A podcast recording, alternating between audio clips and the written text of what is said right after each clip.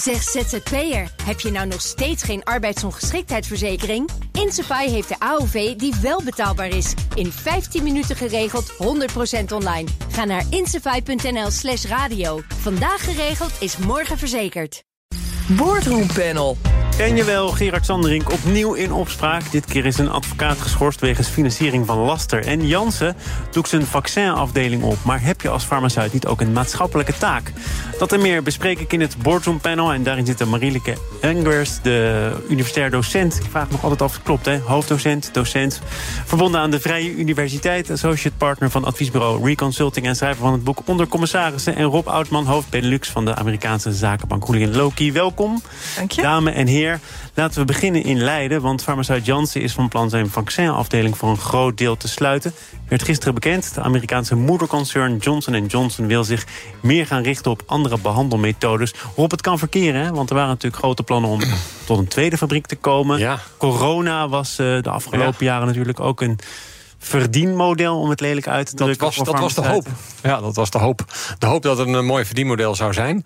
Maar het is allemaal wat anders gelopen. Want Jans heeft dat- die strijd toch een beetje verloren.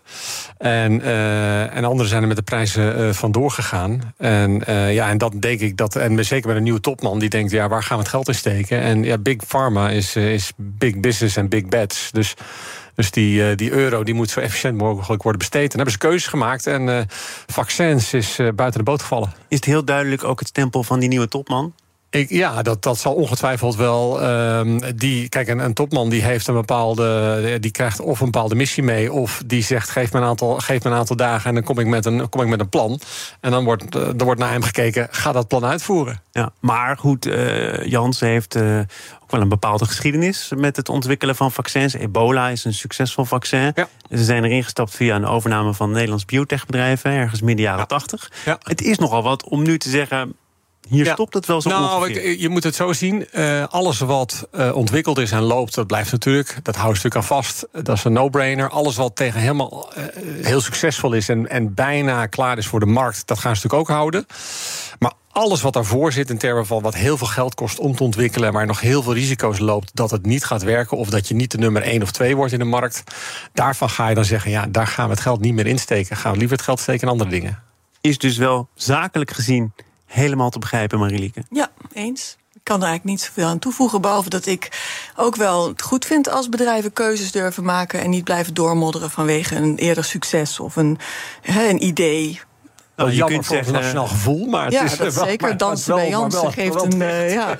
Jansen bij Jansen, wat was het ook alweer? Die hebben we klaarstaan, want eh, dat was natuurlijk een belangrijk moment, zeker eh, met terugwerkende kracht. Vanmorgen vanaf 10 uur gaan de lijnen open. 0800 1295 voor de keuzelijn Jansen. Ideaal vaccin als je echt klaar wil zijn met die ene prik. Klaar voor de zomer. Klaar voor een zomer vol festivals. Dansen met Jansen. Dansen met Jansen. Oh my god. Ja, nou, zit je hier als bedrijf op te wachten of niet? Nee, kijk, eh, ja, ik- volgens mij was dit gewoon ook inderdaad een heel nationalistisch gevoel waar hij op inspeelde. Het was inderdaad maar één prik. Kijk, eh, Hugo de Jong was toen bezig om iedereen te overtuigen zo snel mogelijk die prik te nemen. Ehm, en en da- het optimisme en het eh, opportunisme, dat spat aan alle kanten ervan af.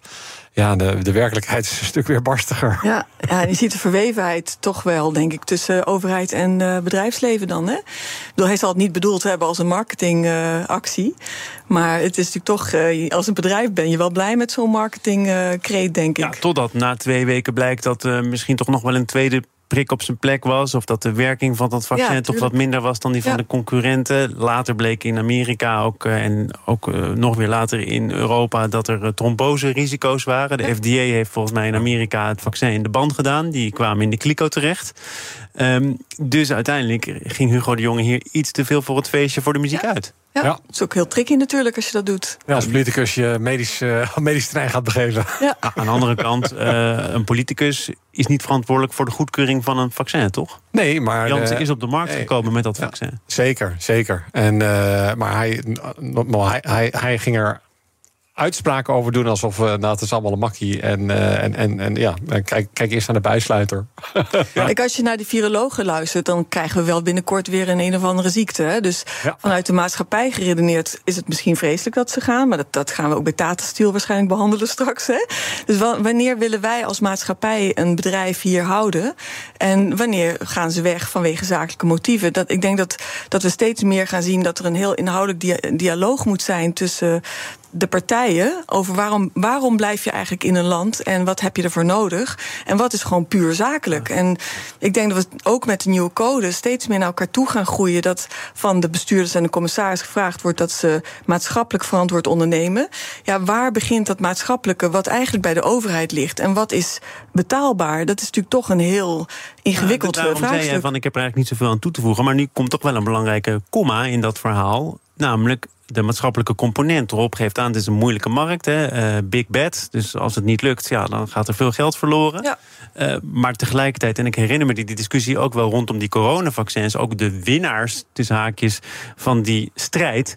Daar bleek achteraf van dat ze voor een belangrijk deel gefinancierd werden met onderzoeksgeld dat kwam van overheden. Ik en denk... de vraag was toen: zijn die absurde bedrijfswinsten wel te verantwoorden. Ja, ik denk als je naar de, naar de prijs, hoe, wat, wat kost. Hè, ik denk dat heel veel bedrijven eigenlijk vanuit overheidsgeld, hè, dus wat op de universiteiten bijvoorbeeld of bij TNO of weet ik veel waar allemaal hè, bedacht wordt, dat zijn vaak wel uh, zaken die bedrijven groot maken, maar daar betaalt ze niet altijd de prijs voor. Dus ik denk dat een scherp debat van wat is nou de prijs voor iets en wie betaalt dat, dat mag wel uh, meer op de agenda komen bij de verkiezingen. Nou zeker, en, en vooral als je naar een overheid een enorme bijdrage geeft, uh, ja, op het moment dat dat uh, er een enorm succes wordt, dan moet er ook een goede uh, verdeelsleutel zijn over die opbrengsten. Maar we kennen natuurlijk ook uh, de verdedigingslinie van farmaceuten.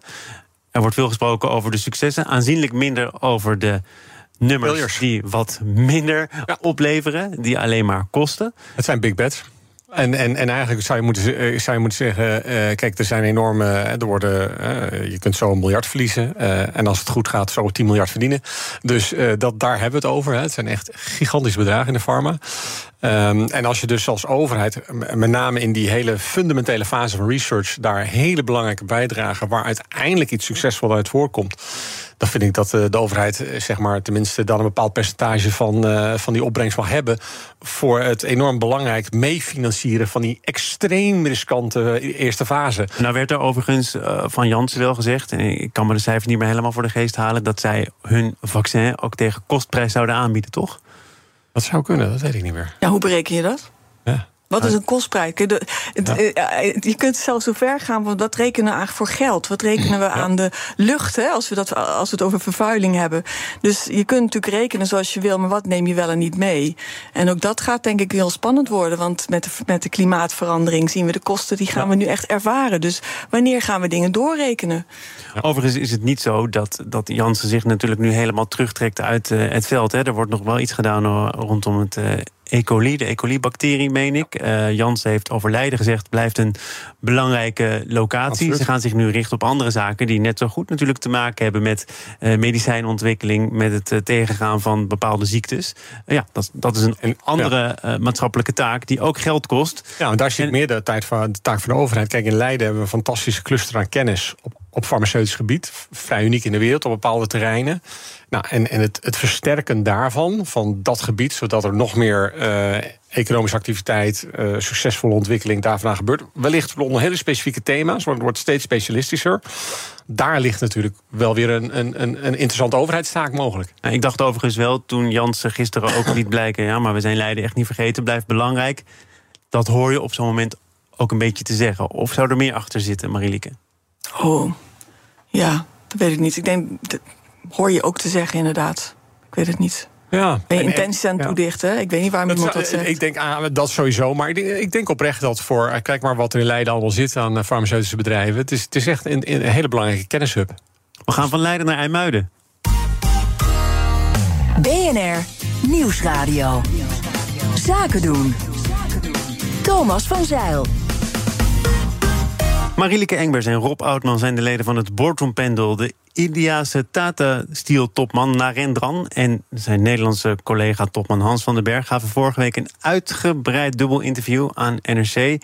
Onder andere over het beloofde groene staal en de regen aan klachten waar het bedrijf mee kampt in Nederland. Vandaag nog weer een massaclaim aan de broek gekregen, waarover later meer in dit programma. Rob, eh, zo'n topman, je, je hebt ze ook hè, van eh, de andere kant van de oceaan, die dan op bezoek komen. Zit je erop te wachten?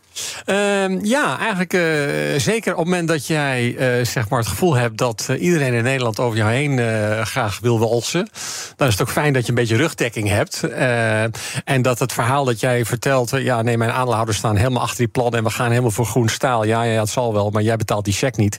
Dat die man die die cheque wel betaalt, uiteindelijk ook zijn gezicht laat zien en dat zelf ook zegt in de camera. Nou, vond je dat die Van den Berg rugdekking gaf? Ik denk, wel, ik denk het wel. Ik denk het wel. Want uiteindelijk heeft hij natuurlijk heel het, het verhaal van uh, wat, wat ze de afgelopen jaren zeg maar, naar voren hebben gebracht. Uh, gewoon uh, getracht heeft te ondersteunen. En daarbij ook de kleur te geven. Van ja, wij, hè, wij zijn als staat ook een sociaal verant, verant, hè, verantwoordelijk. Wij voelen sociaal verantwoordelijk voor de lokale gemeenschappen. Ja, maar ja, zo lekker gaat het dus niet. Als je kijkt naar de onderlinge relatie tussen Tata en de gemeenschap daaromheen. Wijzende bijvoorbeeld ook vandaag weer op die massaclaim. Die komt van bewoners ja. uit de buurt. En dan kan hij wel zeggen, ja, de grondlegger van ons bedrijf had ook al zoveel oog voor de lokale gemeenschap.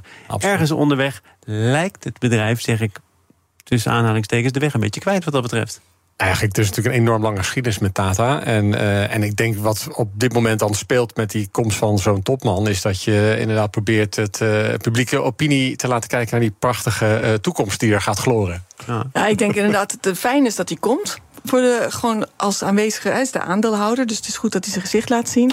Ik denk ook niet dat het vervelend is voor die bestuurder. Want we zijn altijd bang voor hè, dat iemand op de stoel van de bestuurder gaat zitten. Hij dus gaat ook vaker komst... komen trouwens. Dus uh, nee, ja, gezegd, hè, de vorige keer was vijf jaar geleden. Ik was ook heel blij dat er een artikel in de krant komt. Ik denk dat we als publiek veel beter moeten begrijpen... hoe complex dat speelveld is waar ze in verkeren. En dat het goed is dat hij dat uitlegt. Ook dat artikel komt natuurlijk niet zomaar. Ik denk dat er vanuit Tata is gebeld met verschillende media. Ja, Luister eens, hij komt. Ja. Als je een keer met hem wil spreken, dan is dit het moment. En dan maakt maak je daar ook maar een groot artikel van. Ja.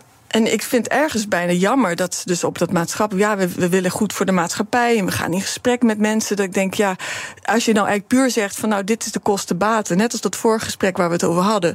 Dit kost het ons en uh, als het jullie moeilijk doen, gaan we weg. Dan maakt het veel zuiverder de discussie in ons land... of we, of we Tata Steel willen houden en onder welke voorwaarden. Want een bedrijf eh, pakt natuurlijk gewoon de ruimte die wij als maatschappij bieden. Dus als wij, uh, als de ILNT, de inspecteurs, het goedkeuren wat ze doen, ja, kan je ze dan kwalijk nemen dat ze vervuilen? Ja, natuurlijk, ethisch wel, hè, maar uh, je, we hebben ook bedrijven nodig die ja. natuurlijk gewoon iets produceren. Maar onder welke voorwaarden? Dus wat ik niet begrijp van dit soort industrieën is dat ze niet samen naar de maatschappij gaan en zeggen: wij willen van jullie wetgeving. Wees maar eens streng, dan weten we in ieder geval waar we aan toe zijn. Maar dat, dat, het wordt allemaal zo vaag je gehouden. Je vindt dat data zich eigenlijk zelf zou moeten tuchtigen? Ja, ik vind dat ook net als bij bestuurders. Tuchtig jezelf maar. Zorg maar dat de commissarissen jou scherp houden. In plaats van al dat slappe gedoe. Dus... Maar daar heb je toch uh, inspecties voor, uh, vergunningen ja, dat, die worden afgegeven. Uh, en dan is de vraag: zijn die uitgekleed de afgelopen jaren? Stellen die nog wat voor? Ja. Kunnen dat soort inspecties wel doorbijten? Ja, en durven ze dat ook te doen? Want ik denk dat we niet die factor macht uh, moeten onderschatten. Dat een, een individuele ambtenaar, uh, die ziet zichzelf ook als ambtenaar. Ik werk met dat soort mensen, dus die zien zichzelf helemaal niet als machtig. Die moeten met een hele coole, dure CEO praten. Gaan wij, durven wij dat krachtenspel in te gaan? En is het goed voor een bedrijf als je eigenlijk alleen maar wacht tot er uh, aanklachten komen en advocaten worden ingehuurd door de burgers? Of moet je dat voor zijn? Moet je echt, ja, ik ga nu even los hoor, maar moet je nou echt met al die stakeholders zelf in gesprek gaan om die stakeholders te horen. Je weet toch wat er leeft. Je hoeft toch niet eerst met ze te praten en dan vervolgens blijkt uit jouw beleid dat je niks verandert. Dan krijg je alleen maar cynisme door. Dus nou ja, goed. Ik zal nu maar even stoppen. Het is, het is een heel lang dossier. Dus, uh, dat het zo. Nou ja, het, is zo, het is zo complex, uh, de regelgeving, dat alleen Tata zelf het begrijpt. Ja, vind je het gek dat het dan aan alle kanten ook wordt misbruikt als het eruit komt? En dat is denk ik ook wat gebeurd is. Want de, wat ik ervan gezien heb, de, de, de, ze weten eigenlijk niet eens hoe ze moeten handhaven. Laat staan hoe ze dan moeten sanctioneren uh, op die niet uh, voldoen aan regels. Dus het is En het is gewoon een spel waarbij je uiteindelijk ziet dat Tata supermachtig is. En dat eigenlijk de wet en regelgeving en inspecties enzovoort omheen het eigenlijk niet aan hebben gekund de afgelopen jaren. En voordat je dat hebt omgebouwd voor iets wat natuurlijk al heel lang van enorm economisch belang is geweest. Voor Nederland zijn algemeenheid en voor de regio in het bijzonder. Die heeft ook alle nadelen ervan.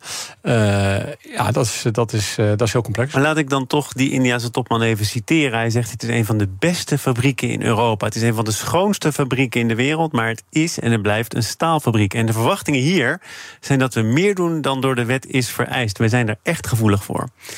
Is dat nu ook jullie afdronk van de afgelopen jaren dat Tata Steel bereid is te voldoen aan die verwachting? En die verwachting is meer doen dan wat de wet voorschrijft?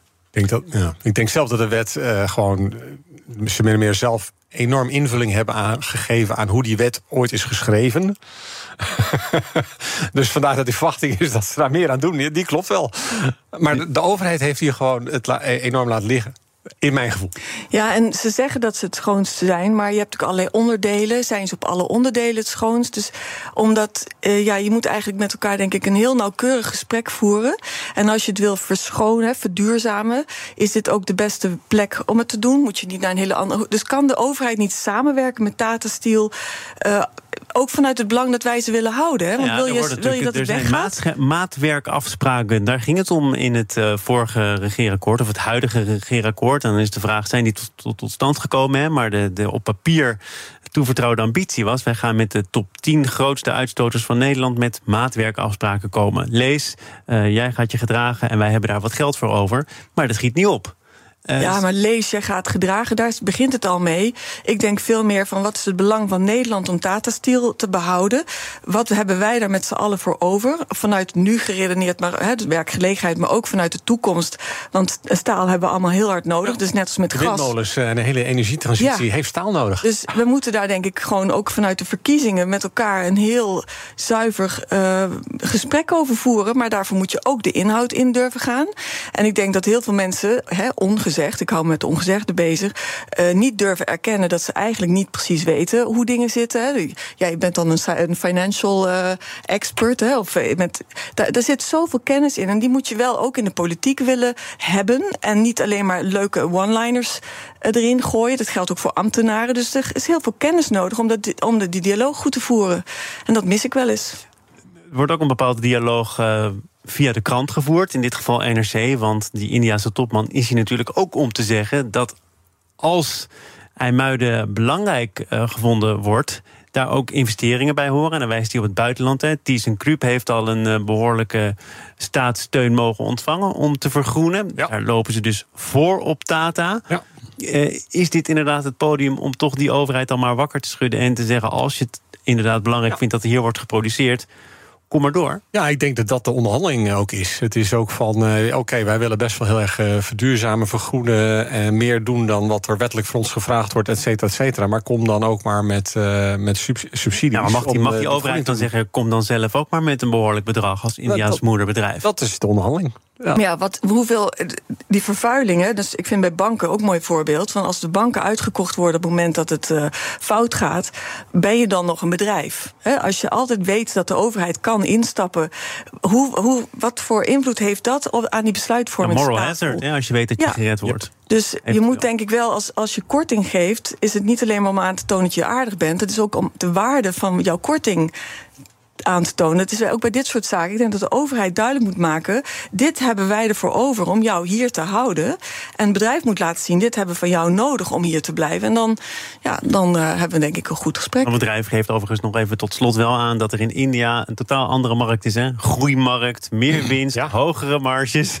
Ja. ja. dat ik me bijna af zou vragen: als waarom dat nou het laatste hier? is, waarom moet je dan ja. inderdaad zo halstarrig vasthouden aan Neemuiden? Ja, uh, nou, ik denk dat ze uiteindelijk. Uh, daar loopt natuurlijk al de hele economie op heel veel gebieden terrein achter. Ik denk dat hier uiteindelijk die technologie hier wat voorloopt. En ik denk dat ze daar ook graag aansluiting mee willen houden. Ja. Maar natuurlijk nog at all kost.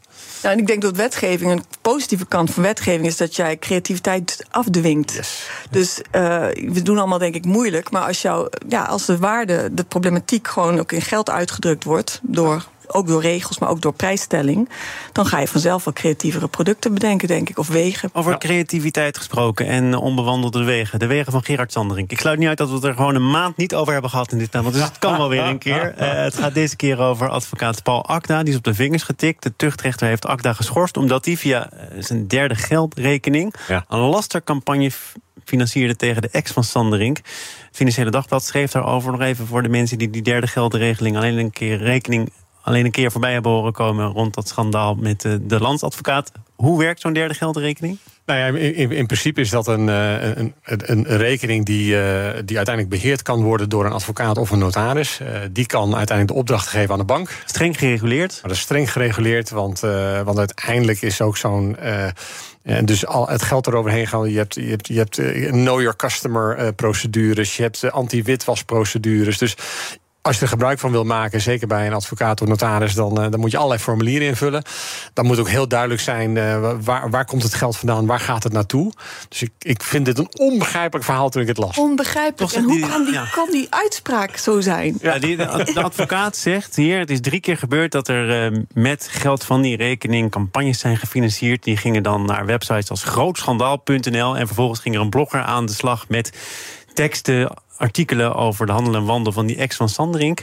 De advocaat zegt, ja, ik, ik, had geen reden aan te nemen of niks wees erop dat dat geld daarvoor uh, bestemd was. Ik dacht dat het ging naar uh, onderzoek uh, ja, over hoe, het nou zijn? liep bij het OM en het CBR. Hoe naïef kan je zijn? Ja. En, en hoe kan je, naïef kan je zijn als je ook de geschiedenis van deze heer Sanderink ziet? Ik bedoel, ja, ik, ik vind het ongelooflijk. checken naar wie dat toe gaat en wie, wat zit erachter is vrij simpel hoor. Het kost het vijf minuten. Ja, het is echt wel verplichting ook. Ik moest heel erg denken inderdaad aan Pelsrijken. En hoe, hoe naïef mensen... En ik vind het naïef vind ik eigenlijk nog best aardig. Want ik denk dat als jij ook... ook hoe zou je het wel willen noemen? Nou, in het toezichtsland... Ja, je doet zaken met Gerard Sandering en je weet wat er allemaal speelt. Kom op. Ja, maar mensen, ik denk dat ze toch allemaal rationaliseren... waarom ze die rottaak van elkaar niet vertrouwen, niet uitvoeren. Want in, in essentie gaat het daarom... mensen zeggen, net als je kinderen, weet je wel? Ik weet niet of je kinderen maar de kinderen vertrouw jij mij niet? En dan voel je meteen dat het vervelend wordt. Want je wil niet tegen je kind zeggen: ik vertrouw jou niet. Nou, ik zou het nog sterker zeggen. Deze advocaat vertrouwt Sandring nog steeds. Hij zegt: ik heb geen reden om te twijfelen aan zijn intenties. Ik zou niet willen spreken van een vertrouwenskwestie. Nee, maar dat, dat, oh, je mag hem vertrouwen, maar dat wil nog niet zeggen dat je hem niet moet controleren. en nou, dat is uh, denk ik wat waar hij. Waar, ja, ik weet niet waarom, maar. Uh... de, de, de rechter zegt eigenlijk in deze zaak: het is drie keer gebeurd twee keer dat je toen nog niet wist hoe het werkelijk zat. En dat er dus met dat geld artikelen werden geschreven over die ex van Sandring. Dat vind ik nog te billijken. Maar die derde keer had je beter Ja, en dan gaat hij daarover in beroep. Nou, dan heb je toch best wel lef. vind ik echt lef hebben. Ja, Hoe, waar, in wat voor wereld leef jij? Ik vind het echt ongelooflijk. Ja, nou, vraag is of hij het zelf inmiddels doet, hè, of niet. Uh, maar, maar toch nog even. Uh, jij, jij, zei net wat er allemaal bij komt kijken voordat je zo'n derde geldenrekening ergens voor kunt gebruiken. Ja. Hoe, hoe, kan dit dan? Hoe kan dit gaan naar websites waarvan ik net de naam noemde, grootschandaal.nl? ik, kan, ik kan, ik kan er gewoon met mijn kop niet bij. Ja, maar dat is dan toch ook voor de advocaten, de hele team eromheen. Of je een assistent hebt of een secretaresse die dan denkt, joh, goh, weet je. Maar governance is daar nog wel heel wat winst te behalen. Ja, dat is zeker qua winst te behalen. Maar, maar, wat, maar wat Marielieke zegt over het verschil tussen eh, vertrouwen enerzijds en controle anderzijds, is dat dan waar het misgaat? Je mag mensen wel vertrouwen, maar dan nog moet je ze controleren?